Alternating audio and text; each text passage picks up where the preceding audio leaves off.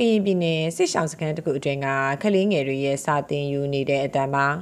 တနင်္ဂနွေနေ့ဆိုဖះကြောင်ကျန်တဲ့ရက်တွေဆိုသူတို့အတွက်စာသင်ကျောင်းနေရလို့သတ်မှတ်ထားတဲ့မြေဆိုင်အဆောက်အဦမှာစာသင်ကြားနေရတာပါတကယ်တော့သူတို့တွေနေရဖြစ်တဲ့လီဂီကောဒေတာကအင်ကိုမပြန်နိုင်ခဲ့တာနှစ်နှစ်ကြာနေပါရှိနေပါပြီကိုဗစ်ကာလတက်ရောက်မှုမှာစာသင်ခန်းနဲ့ဝေးခဲ့ရတဲ့သူတို့ဟာအာနာသိန်းစစ်ပြီးမှတော့နေအိမ်နဲ့ပါထပ်မံဝေးနေခဲ့ကြရပါတယ် လက်ရှိအချိန်ထိတောင်နေ့စဉ်နဲ့အမျှတနက်တန်တွေလက်နက်ကြီးတန်တွေကထွက်ပေါ်နေတာကြောင့်ဒီစစ်ဆောင်စခန်းကပဲအလုကြုံဆုံးလို့သူတို့ယူဆနေကြရပါတယ်။ဒါပေမဲ့လည်းကလေးတွေရဲ့ဘဝအတွက်ပညာသင်ယူဖို့မှာအခက်အခဲတွေအများကြီးရှိနေတယ်လို့စစ်ဆောင်ရေးကူညီလှုပ်ဆောင်နေသူကိုအာကာကပြောပါတယ်။သူတို့ရဲ့အနာဂတ်ကဒီကျွန်တော်တို့စစ်ဆောင်ဘဝမှာတော့ပို့ပြီးတော့မှကျွံသွားတာပေါ့ဗျာဟိုးအရင်တည်းကကျွန်တော်တို့ ဒီစစ်မရှောင်ခင်ကာလမှာเนาะကျွန်တော်စစ်မရှောင်ခင်ကာလမှာတည်းကလည်းကျွန်တော်တို့တိုင်းပြည်မှာရှိတဲ့ပညာရေးအခြေအနေကကျွန်တော်တို့ကတော့ကောင်းတဲ့ပညာရေးစနစ်လို့ကျွန်တော်တို့မယုံကြည်ဘူး။ဘာကြောင့်လဲဆိုတော့ဘာမှတိုးတက်တဲ့လက္ခဏာမပြဘူး။လူငယ်တွေရဲ့အကျင့်စာရိတ္တနေမှုထိုင်မှုပြောဖို့ဆိုဖို့နောက်ပြီးလူငယ်တွေရဲ့အနာဂတ်ဘဝဘာမှငကိုတွေကလည်းမရှိဘူးဒါပေမဲ့စစ်ရှောင်တဲ့ဘဝမှာတော့ပို့ပြီးတော့မှဆိုးသွားတာပေါ့ဗျာနုံနဲ့နစ်တဲ့ကြောက်တွေလို့ပိုမြုပ်ကုန်တာပေါ့ ပညာမတက်စာမတက်တဲ့အခါကျတော့ဘဝရက်တည်ရေးကတော့ဘလို့မှဘလို့ထိပါစေလဲဆိုတော့ဘလို့မှပြောလို့မရတော့ရက်တည်ဖို့အခြေအနေမျိုးလင်းချက်ဘာမှမရှိဘူးပညာမတက်စာမတက်အများနဲ့ဆက်ဆံတဲ့အခုကျွန်တော်တို့ဒီဒီဘယ်လိုခေါ်မလဲဆိုတော့ယဉ်ကျေးတဲ့လူအတိုင်းဝမ်ကြားတဲ့ကိုဝင်ဆန့်ဖို့ကိစ္စမှာလည်း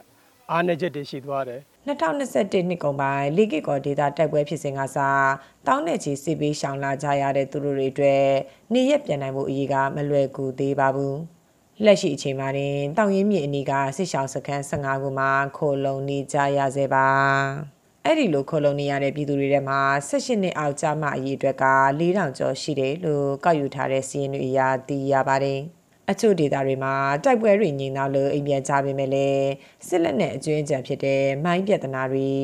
မပေါက်ကွဲသေးတဲ့လက်နက်ကြီးကြီးတွေကြောင့်အချို့ကမပြန်လို့ကြသေးပါဘူး။ ကြအပြင်မကြာခဏဆိုသလိုလေကြောင်းတိုက်ခတ်မှုတွေရှိလာတာကြောင့်အချို့ကလေးတွေရဲ့စိတ်ကိုပင်ပန်းစေတယ်လို့စစ်ဆောင်စခန်းရဲ့ပညာရေးဦးဆောင်သူတို့ကပြောပါတယ်။သူတို့ရဲ့စိတ်မှာဟိုစစ်ကြောက်လန့်တာပေါ့နော်လေရင်တွေပါလာတာအဲ့လိုမျိုးအတန်တွေကြားရင်တော့သူတို့စာမတင်နိုင်ဘူးပေါ့နော်ဟိုအဝေးမှာသူများတခြားနေရာမှာပြလို့တနတ်တန်ဟိုအလုံးကြီးတန်ကြားရင်တော့မှပဲဒီမှာကြောက်တက်တဲ့ကလေးတွေကဖေမငိန်တော့သူတို့ပြေးချင်ပြီသူတို့မတက်ဟိုဘယ်လိုပြောကြောက်တယ်ပေါ့နော်သူတို့မိဘနာကိုသူတို့ပြေးချင်တယ်အဲ့လိုမျိုးရှိရဆိုတော့ အဓိကကတော့အဲ့လိုမျိုးအေးချစ်ချမ်းလေးရှိဖို့နေရာလောက်လေးဆိုရင်တော့သူတို့တက်အဆင်ပြေရပေါ့နော်အခုဆိုရင်တော့အတန်တွေမကြားရဘူးညင်နေဆိုရင်တော့သူတို့ပျော်ပျော်ရွှင်ရွှင်ပဲသူတို့လွတ်လွတ်လပ်ပဲကြောင်းတက်ကြတယ်အဲ့လိုမျိုးဒါပေမဲ့အတန်တွေကြားတဲ့လီရင်လာတဲ့အတန်ကြားရင်ကတော့သူတို့ကတော့ကြောက်တယ်ပေါ့နော်သူတို့လွတ်လွတ်လပ်လပ်မရှိတော့ဘူးလေကီကောဒေတာတိုက်ပွဲတွေကြောင့်ဖလူးကြီးဖလူးလေးလေကီကောတေဘောဘူကနယ်လီထာထိမေဝါခီပါဝင် တခြားဒေတာခံတွေစစ်ပေးရှောင်ခဲ့ကြရပါတယ် ဒီလိုစစ်ဆောင်နေကြတဲ့အနေအထားမှာတက်ဆိုင်ရာနယ်မြေအလိုက်ဥဆောင်သူတွေကပညာရေးကိုအကောင့်ထဲပေါ်ကြပေမဲ့လည်းလူအင်အားငွေအင်အားလိုအပ်နေတဲ့အခြေအနေမှာအခက်အခဲတွေဖြစ်လာရတယ်လို့သိရပါတယ်လက်ရှိအချိန်မှာတော့သူတို့ရဲ့ပညာရေးလှုပ်ဆောင်မှုအတွက်ကရင်ပညာရေးနဲ့ယဉ်ကျေးမှုဌာန KECD ကပံ့ပိုးထားတာပါဒေတာတွင်ပဋိပက္ခတွေကြောင့်အသက်73နှစ်ပြည့်တာနဲ့စာသင်ခန်းကိုစွန့်ခဲ့ကြရတဲ့အရေးအတွက်မှာ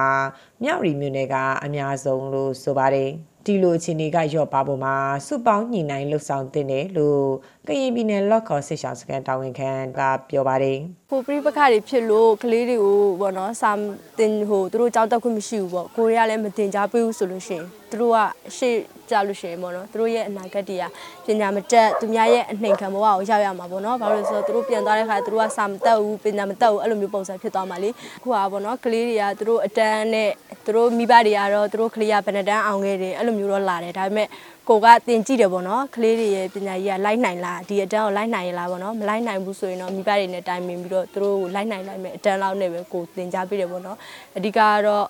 ကိုရီးယားအတန်းတက်ခွင့်မရှိတဲ့အတွက်ကြောင့်မို့ကလေးတွေပညာတက်ရုံရေးတက်ဖတ်တတ်ဖို့ကအဓိကဆိုတော့ပေါ့နော်သူတို့အတန်းကိုတော့အဓိကထားပြီးတော့မတင်ပြီးပဲနဲ့အဲ့လိုပုံစံမျိုးလေးနဲ့တင်ပြီးတယ်ပေါ့လီကီကောဒေတာဟာကရင်မျိုးသားစီယုံတက်မဟာ6နယ်မြေအတွင်းတည်ရှိနေတာပါ လက်နက်ကိုင်အစုဖွဲ့တွေအနေနဲ့ကရင်မျိုးသားစီယုံ KNU အပါအဝင် TKBA BGF စတဲ့အဖွဲ့တွေပြည်သူ့ကာကွယ်ရေးတပ်ဖွဲ့ဝင်တွေကလွှမ်းမိုးထားပါတယ်။ဒီဒီအခြေအနေအပြင် COVID-19 နဲ့စစ်အာဏာသိမ်းမှုဖြစ်စဉ်ကြောင့်အသက်73နှစ်နဲ့18နှစ်ကြားလူငယ်တွေဟာစာသင်ခန်းထဲအလောက်ကိုင်းခွင့်လန်းကိုပုံမရှာဖွေလာကြတယ်လို့မိဘအချို့စီကသိရပါတယ်။ နယ်နိမိတ်ထိစက်ရထိုင်းနိုင်ငံကအလုပ်တွေတောင်ရင်မြစ်အနီးကလောင်ကစားရုံအလုပ်တွေကိုတွားရောက်အလုပ်လုပ်ကိုင်ဖို့ကိုပဲရွေးချယ်နေတာကသူတို့ရဲ့အနာဂတ်အတွက်ထိပါစေတယ်လို့ဆိုပါတယ်။အဲ့ဒီအခြေအနေကိုဥဆောင်သူတွေအနေနဲ့ပူပေါင်းညှိနှိုင်းဆွေးနွေးတဲ့တယ်လို့ပြောလာသူက မိခင်တူဖြစ်သူဒေါ်ပူပါအရင်တော့အမသမီးကြီးမိုက်ဆိုတော့ဒါခုပထမနေ့အမသွားထားကြီးမှသူဆုံးချုံသွားတယ်လေအမမျောတယ်ငါသမီးလေးကြီးအောင်ပေါ့နော်သူအခုနတ်ဆမတင်နန်းဒီပေါ့နော်အမပေးတတ်မယ်လို့မျောလင်းထားခဲ့တယ်အခုလက်ကောင်ချက်ဒီလိုပဲပေါ့နော်ဒါပေမဲ့အဲ့ဒီကလေးလေးပညာလေးဆုံးချုံသွားပေါ့နော်အဲ့ဒါကြီးစိတ်ထဲမကောင်းဘူးပေါ့နော်အခုချီတဲ့ကလေးလေးအဲ့လိုဖြစ်မှအမကြောက်လို့ပေါ့နော်အင်းသူတို့လေးရဲ့ရှေ့ရေးကိုလည်းဟို တိုးတက်သွားစေချင်တာပေါ့နော်တန်တန်ကန်တော့မိခင်တွေကိုလည်းပေါ့နော်ပြောချင်တာပေါ့နော်အခုကလေးတွေကိုပေါ့နော်ငါတို့စစ်ပြေးပြေးနေရတယ်တို့ចောင်းပိတ်မထားဘူးလို့တော့မပြောစေချင်ဘူးပေါ့နော်စစ်ပြေးတဲ့ချိန်မှာလည်းပြေးနေလွှမ်းတဲ့အချိန်မှာဒီလိုပဲစာတင်တဲ့လူတွေရှိတယ်လीနော်ဆရာဆရာမကြီးကြည့်ကြတယ်လို့အဲ့တော့အဲ့ဒီကလေးတွေကိုလည်းပေါ့မိခင်တွေပေါ့နော်နင်တို့တွေငါတို့ပြေးနေရဒုက္ခရလို့စာပေးမတင်လို့တော့မပြောပါနဲ့လို့တော့ပြောချင်တာပေါ့နော်သူတို့ဘုမှာပညာရှိမှအဆင်ပြေမယ်လို့ထင်တယ်စာမတက်လို့ရှိရင်တော့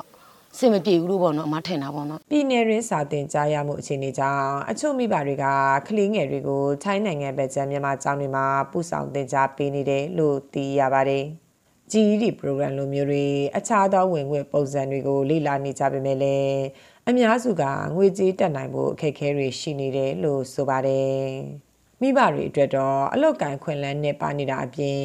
နေရမဟုတ်တဲ့နေရာတွေမှာတင်းရှောင်နေရဆဲဖြစ်တာကြောင့်ငွေကြေးကအတိကအချက်ဖြစ်နေတာပါ။ကြအပြင်ပဋိပက္ခတွေကြားမှာရှောင်တိန်နေရတာကြောင့်မိသားစုနဲ့မခွဲခွာပဲအကျူတကွပညာသင်ကြားခွင့်ကိုဖန်တီးပေးဖို့တောင်းဆိုနေကြတာတွေလည်းရှိပါတယ်။စစ်ဆောင်စခန်းတွေရဲ့ပညာရေးစနစ်နဲ့ပတ်သက်ပြီးကိုအာကာကအဲ့ဒီဟာတော့ကျွန်တော်တို့ ကိုလက်ရှိဖြစ်နေတဲ့အနေအထားကနေပြီးတော့မှကြည့်မယ်ဆိုလို့ရှိရင်အခုကျွန်တော်တို့ရောက်တဲ့ဒေသကဒီဒီတိုင်းရင်းသားအဖွဲ့အစည်းတွေဟိုအုပ်ချုပ်တဲ့ဒေသပေါ့ဗျာအဲ့ဒီမှာတက်ဆိုင်ရာတိုင်းရင်းသားအဖွဲ့အစည်းတွေကသူတို့ဒီ